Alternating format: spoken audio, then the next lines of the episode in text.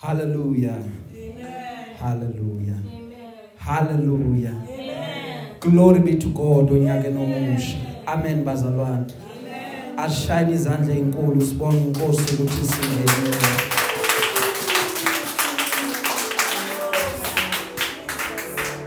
Glory be to God. Amen. Hallelujah.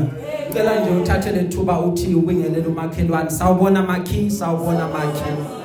Onyake nomusha. Hallelujah. Glory be to God. Ngomusa bazalwane singenile siyakholwa ukuba sizoqhubeka ngokusizwa uJehova makabongwe Jesu. Siyabulisa kubazalwane abasibukela live ku Facebook ngelihle igama lika Jesu. Kuphi na kuphi lapho bekhona abazalwane ababukela ama video ethu ku YouTube siyabingelela kubona. Abazalwana balalela ama audio ethu sinama audio we WhatsApp ama audio okungama podcast siyabingelela kubona. Bazalwane bakhona eindaweni zonke emhlabeni jikelele. Siyambonga uJesu. Haleluya yinhle itechnology bazalwane ngoba thina sihlangene sila but across the world bazalwane live bayakhona ukuthi basibone kulesi sikhathi njengoba sikhuluma. Amen bazalwane. That is why noma kuvela iphutha afanele uzame ukuthi uqhubeke so that ulive angamosheki. Makabongwe Jesu. Glory be to God. Amen. So siyambonga uNkulunkulu. Nakulonyaka siyakholwa ukuba simakade uzosithwala simakade uzoba nathi bazalwane. Ukona konke uJehova uzosibusisa. Hallelujah. Eh are you ready for the reading of the word? Amen. Ah ngathi anikho ready Are you ready for the reading of the word? Elokuqala olutholayo elokuqala olamkelayo kunyaka ka2024 kulesikhathi nje ngithanda ukuthi ngithi compliments of the new year compliments of the new season. Kuona wonke umuntu bazalwane kuphina kuphi lalo myalezo ufinyelela khona. Siyakholwa sisamile sisazoma soqhubeka sime sizoqhubeka sithandazelane. uNkulunkulu uzothela umusa wakhe bazalwane. Amen. Eh bazalwane angihambi ngingedwa. Ngiyabonga kunina nonke nithena aphumelela. Ngicela nje uyishayela izandla ngokuthi bekhona Glory be to God sihamba ngamandla kulonyaka izinto za last year bazalana sisenze njenga last year sishintsha ukwenza ukuze sibe ngabantu abangcono. Amen. Unyaka usaqala we trust God ukuthi inkosi inkosi izosipha injumayelo bazalwane. Uma wabala ama Sunday onyakeni ayi ayi 52 eh roughly 52 53 so we are trusting the Lord ukuthi he will provide ngeinjumayelo eziwu52 bazalwane ngoba simele ukuba sishumayele week in and week out bazalwane. Ayikhiyenza njani? Hallelujah. Makabongwe Jesu. Ya nambazalwana ngihambi ngingedwa eh phakathi kwethu sinoma ke uma ke umfundisi bazalwane ngicela nje ukuthi simshayeleni izandla bazalwane. Amen bazalwane. Eh uma ke motha uma ke wekhaya lami la ngihlala khona bazalwane. Amen. Shuthi ngikhosele ngaphansi kophahla lwakhe kushiwo njalo bazalwane. Amen bazalwane. Siyabonga ke ubaba uNkulunkulu namhlanje namhlanje bazalwane ngizothi kinina ngizothi kithina sonke sikhona kuyona le ndawo. Ngeke uzujabhiswe kulonyaka haleluya okay uh, khona ungayibambanga siyaphinda this year this year you will not be put to shame. Amen. Alright khona ungayibambanga siyaphinda this year you will not be put to shame. Ngeke uzujabhiswe kulonyaka ngifuna ukuthi uyideclare kanye nami. Mina mangiyideclare ngithi mina angeke ngize ngijabhiswe kulonyaka ngifuna abantu abazoma nami kule declaration. Bathi mina. Bayashoda labantu angazi khona oyizwayo nalento engiyishoyo. Ngifuna abantu abazoma nami kule declaration. And uma uyideclare nje ngicela uphakame ngeenyawo ume uyikhombe uthi mina. Uyisho ngamandla lento ngazi ukuthi uyayikholelwa lento ukuthi vele na kanjani na kanjani izokwenzeka ngoba izokwenzeka provided vele you believe in it ukuthi mina ngeke ngeke ngijabhiswe kulonyaka siyaphinda mina ngeke ngijabhiswe kulonyaka ake siyilungise ke lento siede nje kancane awuedi igama lakho mina. So masibiza ke ngegama lakho. Ngeke. Ngijabhiswe kulonyaka mina. Ngeke. Ngijabhiswe kulonyaka singahlala thina sonke phansi. Glory be to god. Incwadi eyamahubo ichapter 34 the book of psalms chapter 34 we are reading only one verse verse 5 incwadi yamahubo. 34 verse 5 ngicela uyiphethe bese asifundela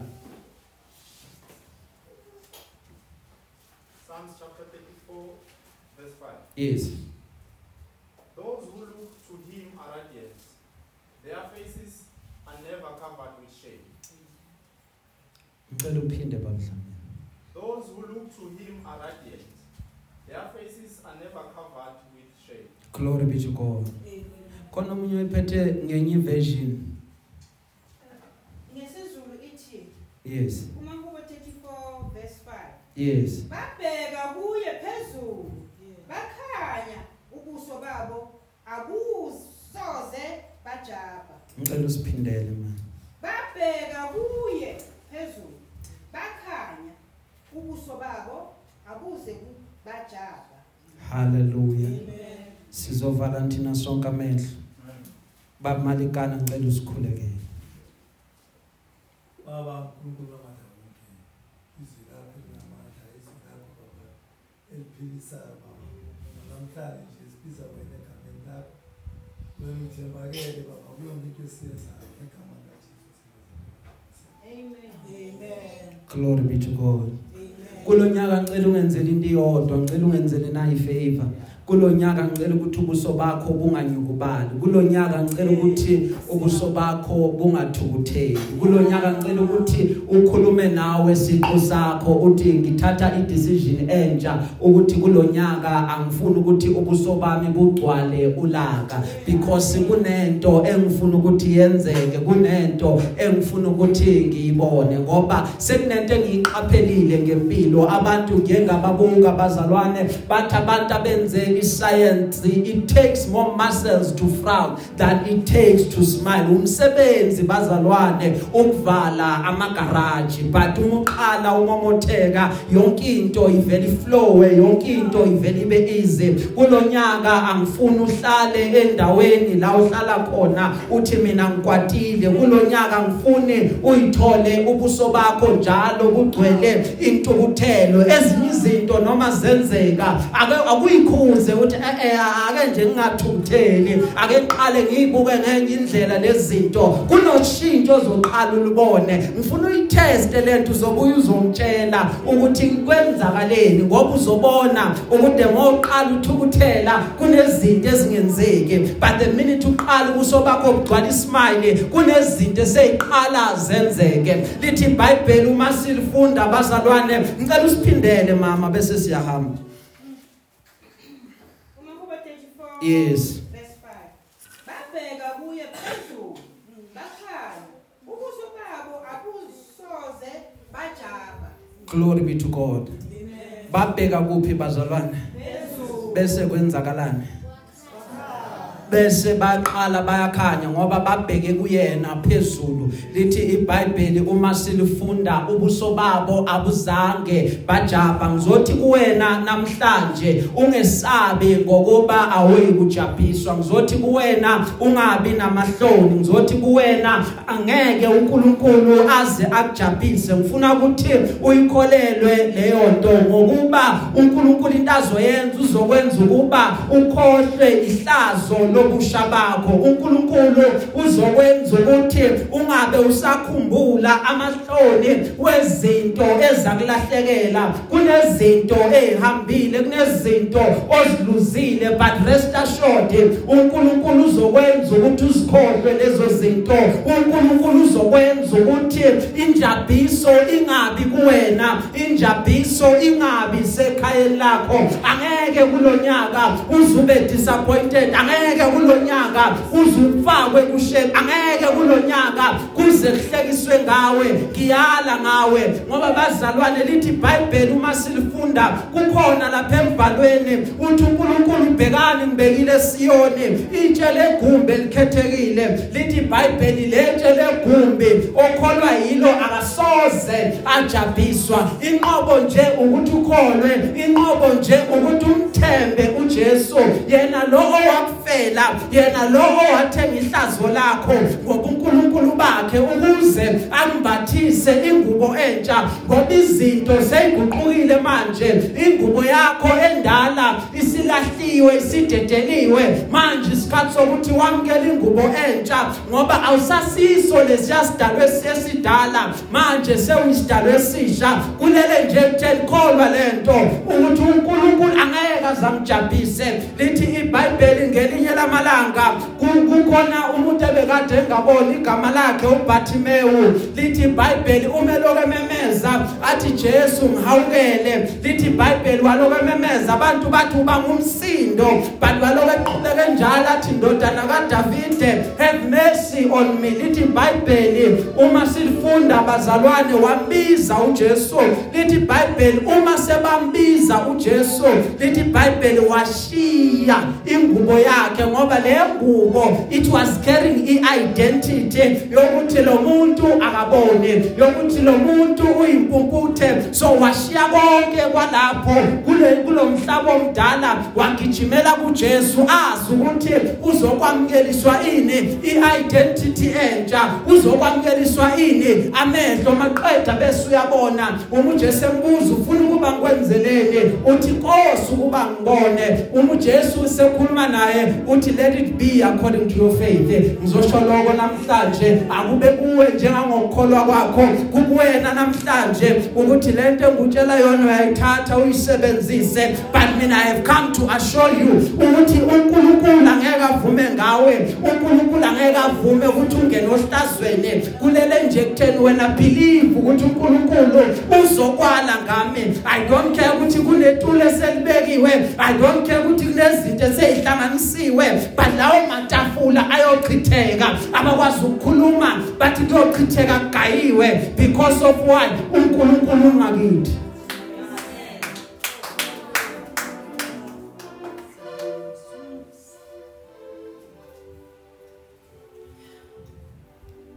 Babheka phezulu kuye bakhanya. Ubuso babo abusoze bajaba haleluya babheka kuye phezulu.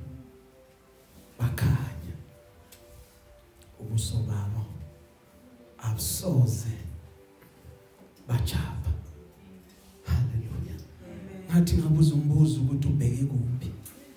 Because it matters ukuthi where is your eyesight? Where is your focus? Ubheke kuphi? Ubheke ini? Haleluya ngoba bazalwane lento siyibukayo inamandla okwenza ireality esiphila kuyo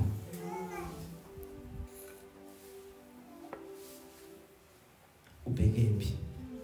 Ubheke ini. Lokho kubukayo lokho kwamkelayo it becomes your reality. Kulonyaka sizothi kulabo abakuvukelayo kulabo abalwa nawe sizothi mabajabe mabahlazeke.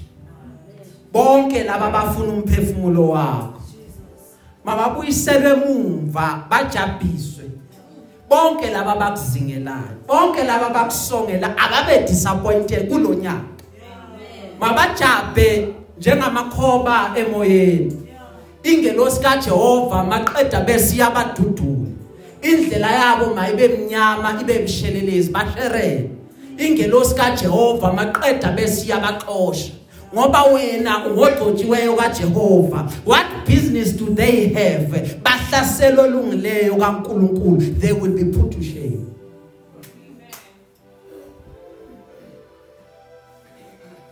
Hallelujah.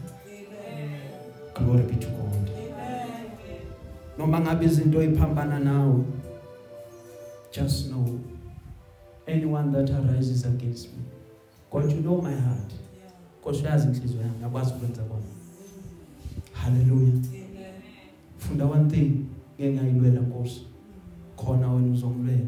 Yonke impi yami ngiyibeke esandleni sakho. You will fight for me. uNkulunkulu will fight your battles. uNkulunkulu bonke labantu abalwa nawe God will deal with them. It is not for you to deal with anybody but it is for you ukuthi uqhubeke ukhonze uNkulunkulu. Kwesinye isikhathi umkhonze uNkulunkulu kwangazuthi yonke lento eyenzeka kuwena ayenzeki. Umkhonze uNkulunkulu kwangazuthi lento oyizwile ikhulunywa awuyazi awuzwanga lutho. Uqhubeke nje uyikhonzela uNkulunkulu uzobona ifilimu wena. I assure you I assure you ngifunde ngifunde nayo into ngempilo iza iza nginikeze this this tip yempilo eh empilweni nayo into engihambe ngahamba ngayibona. Ukuthi sometimes abantu incazelo yakhe abayidingi. Eh uloku uhamba uchaza let me explain hayi kwenze kanje ngoba hayi ne eh already before zoqala uchaze ukuthi kwenzele ngoba kwenzakale already sebaconclude baqedile. Khona labo zonoma bachaze bathi ayi mara naye hayi thina sihamba nalesizwi so kahle kahle ukukhuluma kwakho uchaza kwesinye isikhathi kwenza umonakalo kwesinye isikhathi kuvele kufane nje ngoba abantu bafuna ukukholelwa lento le abayizwile. So abafuna ukukholelwa lokho abakuzwile abaqhubeke nabo ngoba kulonyaka asinasi isikhathi sokuqhubeka sichaza. Kulonyaka sikhonzela uNkulunkulu siyaqhubeka noNkulunkulu. Abahamba nathi bahamba nathi. Obona ukuthi akafuna ukuhamba nathi ulungile naye. But thina siyaqhubeka la sime khona. Ngoba injongo yethu inkulu kakhulu bazalwane ukuthi siloku entertain ukuthi abantu bakhulume bathini. Abaqhubeke bakhulume sizoqhubeke sikhonze. Ngoba ukuma kwethu ikolo loba ufakazi.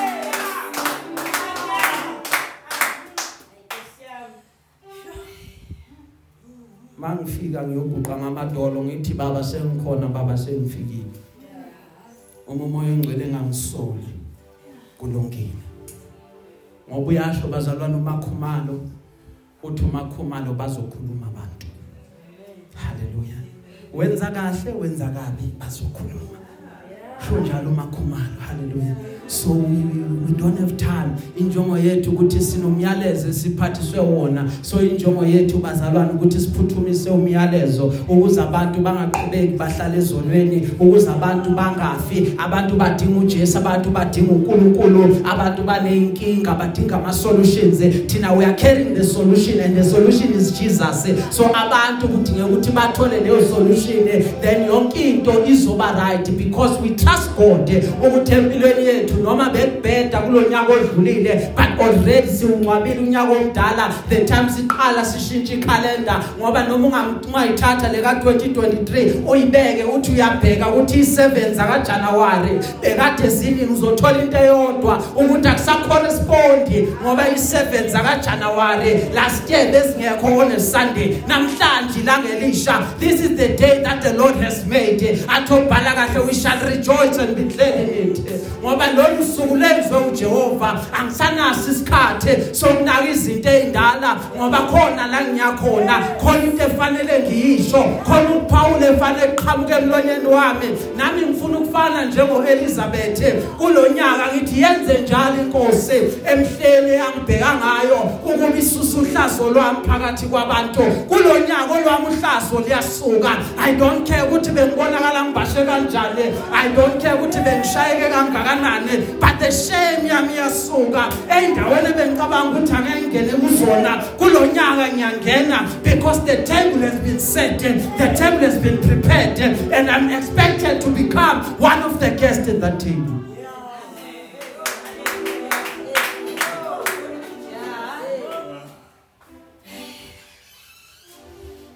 uJehova uzokufihla edokodweni lakhe.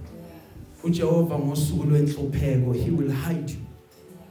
uJehova uzokucashisa endaweni efihlakele ethendeni lakhe. Angeke uzuyimele mntana mntana sekhaya angeke uzuyifihle mntana sekhaya uzofihlwa uyena uthi ubuka izinto ubona ukuthi ayizihambi kahle.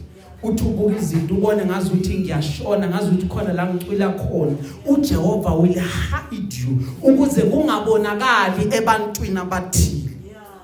Uthi unganayo inyama kwazi wena ukuthi inyama awunasekudala wayigcina uthi mara ke ngishise loya anyanisi wami namafutha wami indlini uke kamnandi ngidle. Uthi mangidla lepapa lami nale anyanisi kuba ngazi uthi inyama udle uyithulele uqede usula umlomo uphumele ngaphandle. Bathi mabebuka bathi mbukeni uyadla. Shutha kalamba ngoba ufihlwe uJehova. Ihlazo lakhe alibonakali phakathi kwabantu. uJehova uzokuthatha akuphakamisele edwaleni. uJehova uzokuthatha akuphakamisele endaweni ephakeme. Kuthi mangithi unyaka wokuphakama unyaka wokushintsha kwama levels why Mr manje ngeke uphinde uyibambe? Ama levels ayashintsha. Khona lento ezoyenzeka ezweni lakamoya. You will see levels are changing. Hallelujah. Ibandla it is expected ukuthi liqhubeke ngamandla. Isikhathi lesokuthi simbathiswa amandla ethu. So isikhathi lesokuthi siqhubeke ngamandla kulento esikholelwa kuyona. Ngoba kuza isikhathi la siyobuzwa ngokokholo lwethu.